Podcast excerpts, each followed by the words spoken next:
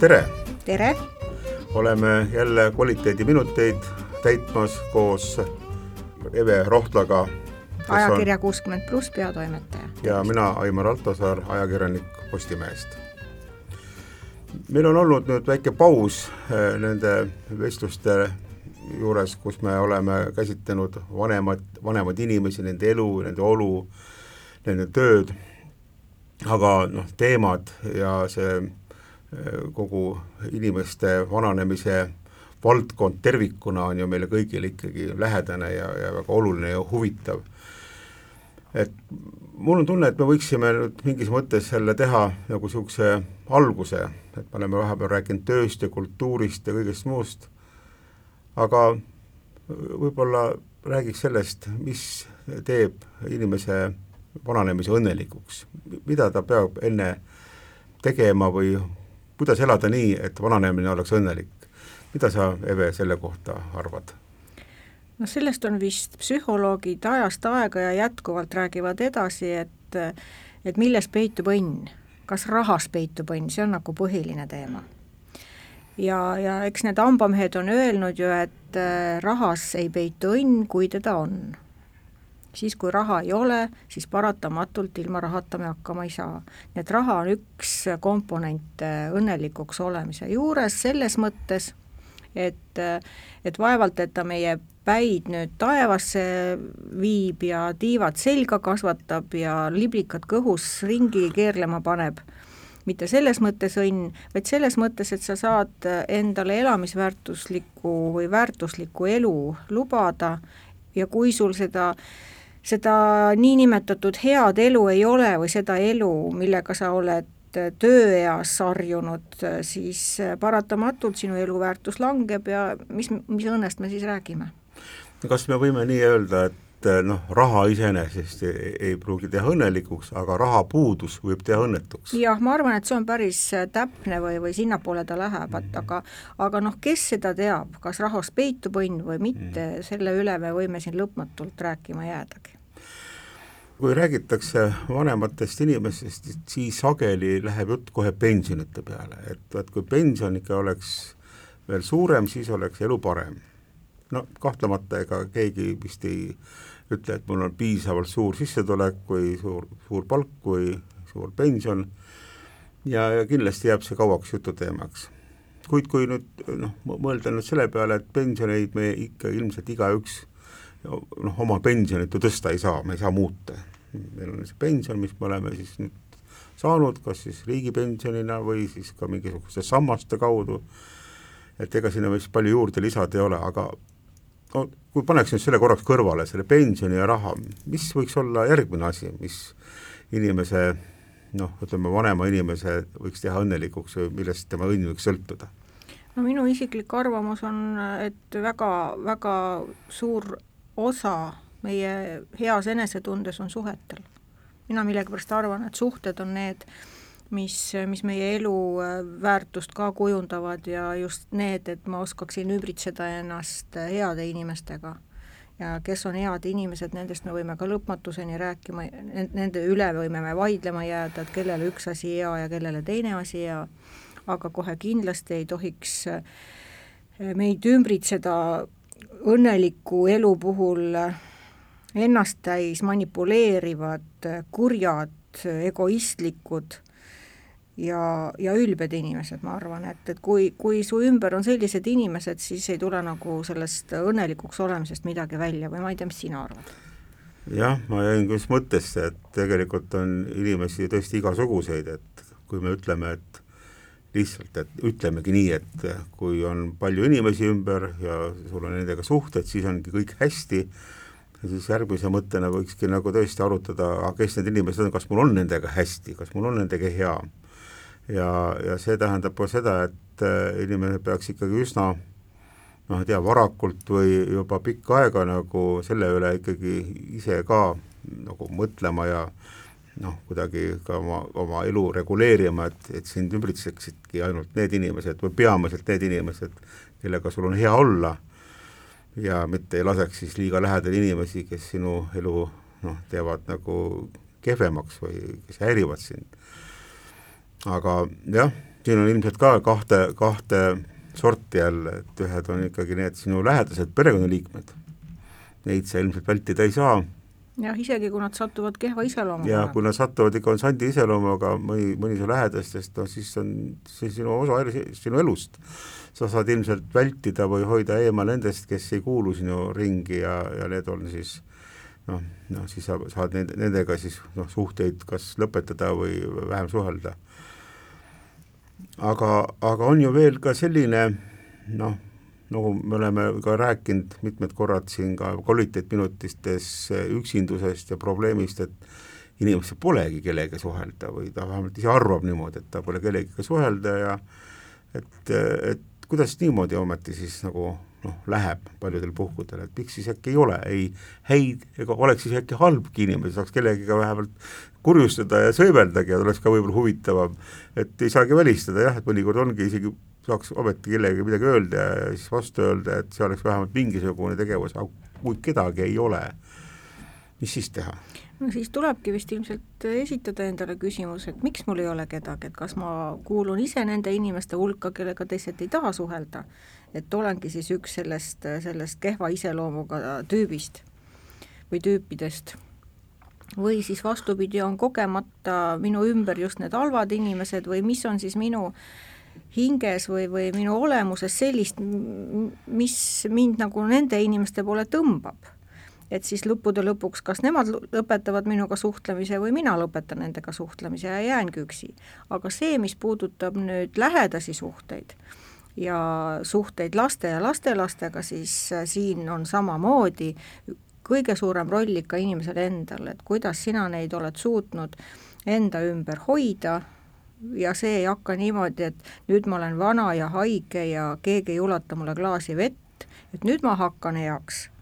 sest sel-, nende heade suhete nimel tuleb ikka päris algusest tööd tegema hakata, ma arvan, see on minu arvamus, mis sinu, mis sina arvad? no mul on tunne, et me vist jõudsime päris õigele rajale et noh, kui on elu juba nagu üsna kaugele ära elatud, siis on võib-olla nagu raske siin muuta, kuigi ka siis peaks olema see võimalus, aga kui tulla nüüd tagasi noh, elu algusesse, siis vist on nagu üks asi, mida me võiksime alati noorematele südame peale panna, mis kõlab muidugi noorte kõrvus väga õudselt, et mida see vanaema inimene tahab mul südame peale panna, ma tean ise hästi, aga aga, aga võib-olla räägiks seda nüüd selles keeles, millest nagu nooremad saavad äkki paremini aru et noh, soovitatakse ju oma vanadust killustada ka sellega, et sa paned raha nagu investeerimisfondidesse, et nüüd meil nagu see teine pensionisammas on nüüd küll noh, ta pole küll kadunud, on ka üks võimalus, kuhu võib raha ikka jätkuvalt panna, aga sa võid ka veel panna erinevatesse fondidesse, neid on siin ju päris mitmeid ja, ja päris edukalt tegutsevad, et see on kindlasti üks võimalus, kuidas oma vanadust materiaalselt killustada, et oma siis sellele napile noh, riigipensionile midagi juurde saaks see on täitsa mõistlik. aga minu küsimus oleks võib-olla selline, mis sa arvad, et võib-olla osa rahast, mida sa kahekümnendates eluaastates juba hakkad sinna kõrvale panema, äkki sa osa rahast investeerid hoopis sellesse fondi, et kutsud sõbrad külla või käid ise külas, käid kellegagi matkal, teed midagi teiste inimeste koos, sinna kulub ju ka raha. ja, ja, ja siis jääb küll fondidesse vähem raha, aga võib-olla see sammas, mida sa siis sellega nagu lood noh, on äkki hoopis tugevam ja aitab sind vanemas eas rohkem. jah, see on selline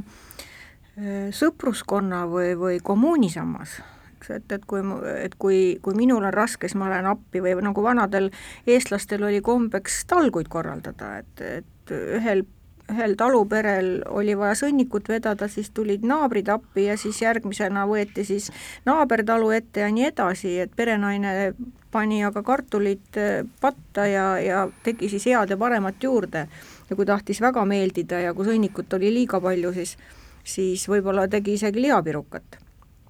et see on, ma arvan, see on väga tähtis asi, et nii, nii nagu me ise oma nooremas eas ja, ja vanemas eas teame, ka siis see sotsiaalse elu elamine ei ole üldse odavate killast et ainuüksi sellest, et, et lapselapsi vaatama minna või, või oma sõbrannale külla minna või, või kas sa isegi lähed külla, vaid saad, saad lihtsalt kokku kusagil neutraalsel pinnal, näiteks kohvikus, siis see kõik läheb paganama palju maksma. et see ei ole odav lõbu. Aga samas on väga palju niisuguseid asju, mida ei saa ka rahasse ümber panna, et, et noh, kingitused samamoodi, et kas sa pead lähedastele kinkima kalleid asju, et kas see teismeline peab saama iPhone'i ja kas see pisikene peab saama mingisuguse väga popi mänguasja, ilma milleta lasteaias mängu ei võeta või või mis iganes, või sa noh, teed sellise kingituse, et te lähete koos kuhugi tõepoolest kas matkama või, või, või kogute elamusi koos. mida ju mitte keegi ei saa vanuse kasvades sinult ära võtta ja lastelt ära võtta, et iPhone võib katki minna ja vette kukkuda ja, ja mänguasi katki minna, aga see, mis on su mälestustes või, või kõrvade vahel, võib-olla see kohe ei tule isegi meelde lapsele ja võib-olla ta ei oska selle üle isegi õnnelik olla või, või tänulik olla, aga see võib tulla aastate ja aastakümnete pärast talle meelde. noh, need on jah, niisugused hästi pisikesed sammud selle sotsiaalse varanduse teenimise teel, tuleb arvestada, et see ei tule ehk nii ruttu, kui, kui igal viiendal kuupäeval kopsti midagi sinna pangakontole aga, aga ta kindlasti on palju rohkem väärt kui, kui viissada eurot. ma olen teie sellega väga nõus, et äh, noh, mitte ainult siis muidugi see ei ole ju ka rahaline kulu, see on tegelikult ka sinu ajakulu, sinu tähelepanukulu, noh, see ütleme, sa pead isiksusena sel juhul äh, üsna palju panustama, et sul see võrk oleks, sest äh, see on nagu selline noh, sa tahad kvaliteetseid suhteid, siis sa pead ise olema ka noh, andja ja, ja kvaliteedi looja, sest ta ise ei teki. ja, ja see, kui minna veel võib-olla varasemasse faasi, me ei räägi ütleme noorest elust, vaid lausa lapseeast, et ikka üsna oluline on juba ilmselt üsna varakult äh,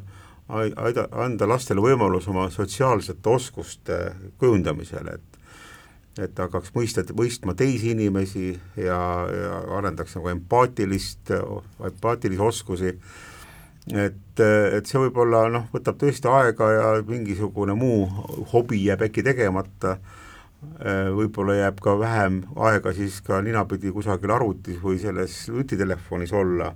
et, et iga, ikkagi koos teistega midagi, millegi koos tegemine, et kui, kui tänapäeval noh, lapsi ja lapselapsi on, on ju saanud juba jälgiti, jälgitud ja siis on hästi vahva, kui on lapsed, kes ei noh, esimesel võimalusel, kui nad ei pea vanematega suhtlema, ei tea midagi vanemate koos tegema, ei pea koos sööma, noh, kahe, paraku me teame, paljud lapsed lihtsalt sukelduvad siis oma nutitelefoni kuidagi me oleme nii harjunud sellega, et mis siis ikka. ja siis, kui äkki avastad, et mõned lapsed hakkavad iseendaga mängima, käivad ringi, laulavad, sätivad asju, saavad üksi väga hästi hakkama ja, ja saavad ka mõne teisega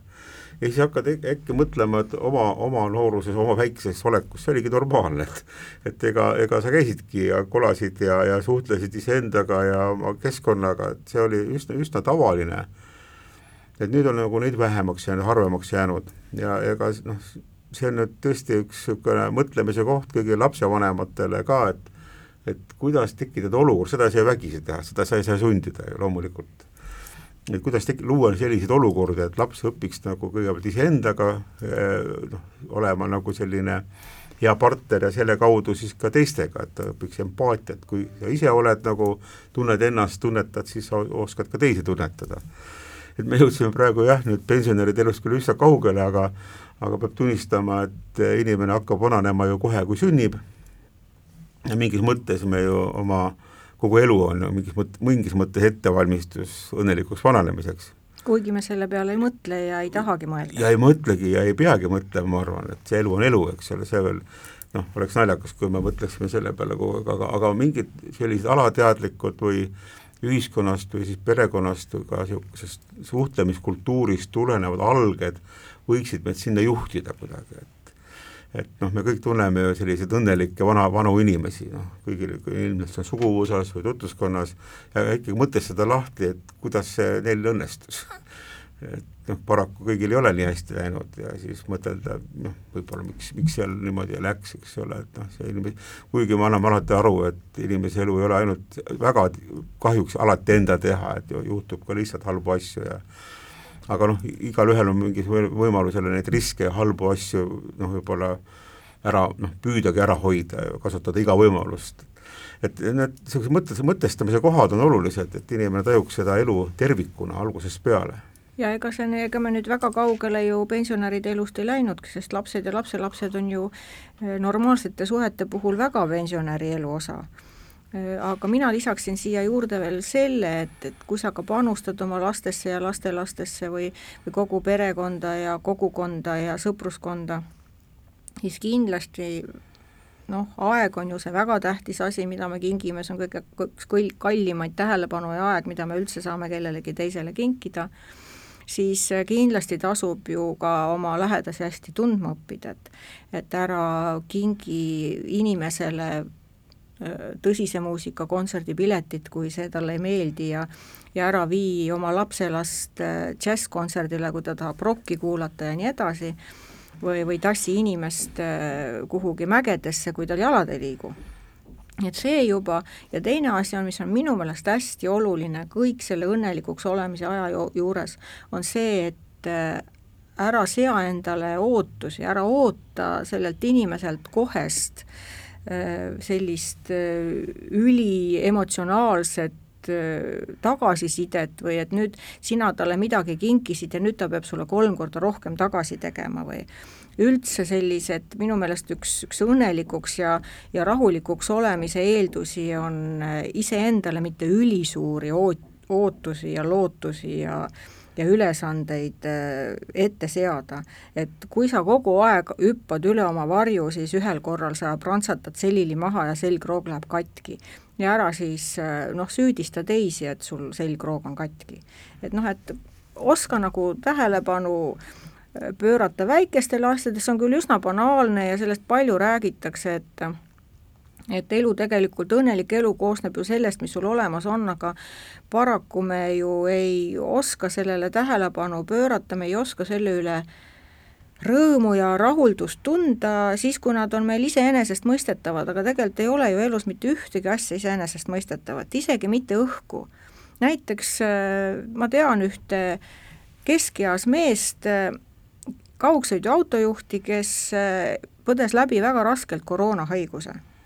Ja siis, kui ta käis seal elu ja surma piiril ära ja oli mitu päeva väga raskelt haiglas ja siis taastus seal haiglas veel kolm nädalat ja ja tuli sealt välja selliste kahjustunud kopsudega ja oli kahepoolne kopsupõletik. Ja siis, kui ta tunnistas, et et küll on hea hingata kahe ninasõõrmega puhast õhku et nüüd ta elus ükskord saab aru, mis tähendab puhas õhk meie ümber, et ma lähen uksest välja ja ma tõmban sõõmu värsket õhku läbi ninasõõrmete. kas me iga päev mõtleme selle peale? et see tundub meile nagu iseenesestmõistetav asi, täpselt sama on puhas vesi, võtta see puhas vesi meil ära, siis, siis on ju kohe näha, mis saab. ja, ja kõige paremini me tunneme, et meil ei ole tegelikult häda midagi siis, kui väljas möllab tuul, maru, torm aga meil on kodus soe, meil köeb kas ahi või kamin või isegi väike küünlake põleb ja meil on mahevalgus ja me vaatame televiisorit või loeme raamatut ja siis sa mõtled, et mis mu elul häda on. mul on katus pea kohal, mul on soe tuba ja mul on kõht täis. ka iseenesestmõistetavad asjad, aga alati see ei pruugi nii olla, kui sa pead astuma sealt uksest välja tormi kätte, kui sul ei ole kuhugi minna nii et minu meelest vot just need niisugused asjad, kaasa arvatud ka ema olemasolu ja laste olemasolu ja äh, lähedase abikaasa kõrval olemasolu, et, et pigem nagu oskame seda hinnata, kui nad meil olemas on. ja kui nad muidugi ükskord kaovad, ega siis sinna midagi teha ei ole, aga aga miks me peame siis nii valusasti tunnetama, et, et tegelikult oli see üks õnnehetk, millest me ei osanud lugu pidada? ma olen ka sellega nõus, mida sa rääkisid, Eve, et tegelikult äh, meil ei ole õnneks tõesti palju vaja, ainult et siin on üks eeldus, et sa pead kuidagi iseendaga olema ka äh, rahu ajal, rahu, rahu teinud. et äh, jah, need üledimensioneeritud äh, nõudmised, soovid iseendale, teistele äh, võivad tekitada väga suure pinge, et sa pole endaga rahul ja siis sa pole teistega rahul ja siis teised pole sinuga rahul ja siis võivad ka need üksinduse hetked olla väga, väga kurvad, sest sa kakled nendega edasi, eks ole. seetõttu on ju väga mõistlik hoida oma lähedastega ja inimestega, kes sul tähtsad on, häid suhteid, siis on ka üksi olles nende üle ju mõnus mõelda. mina olen ilmselt olnud elus üle keskmise tihe suhtleja, peab tunnistama, aga aga ausalt öeldes noh, järjest rohkem ma naudin noh, üksi olekut või noh, täpsemalt küll ma olen oma naisega üks maja, kus üks ühes teine teises otsas oleme nagu väga õnnelikud, juba koos oleme õnnelikud, ma tahan öelda, et, et seda noh, et pigem on see suur suhtlemine, mis on olnud elus ilmselt erinevatel inimestel eri moel ja eri etappidel, et eh, see annab sulle ka ju noh, elu lõpuni mingit mõtlemisainet või või noh, sa saad nagu veel asju nagu üle mõelda ja või ka lihtsalt äh, meenutada neid hetki, kui sa oled teistega koos olnud, need on ju väga meeldivad asjad ja, ja, ja eriti vanemas peas, kui sa võib-olla ei ole enam väga kõrgetele mägedele ronija, eks ole, aga kui sa oled seal käinud või noh, oled kellegagi olnud, siis nende, neid üle on alati hea mõelda. et, et võib-olla üks asi, mis ma noh, kui aeg arvan, et, et, et need, et inimese elu on etappides, et no laps, noorem inimene, noh, ta teeb igas etapis mingeid asju, mida, mis oleks mõistlik võib-olla ära teha õigel ajal, et et midagi nagu vahele jätta või, või liiga kiirustades ära teha või liiga kaua edasi lükata, need võivad ka tekitada pingeid, et et mingil ajal on mõistlik nagu vähemalt esimene elukutse omandada, mingil ajal on mõtet nagu pere luua, mingil ajal lapsed ka üles kasvatada ja mingil ajal on siis jälle mõnus jälle omaette olla, et et noh, sellise, sellised järgnevused on ka teatud niisugune looduse poolt antud loogika et see on jah,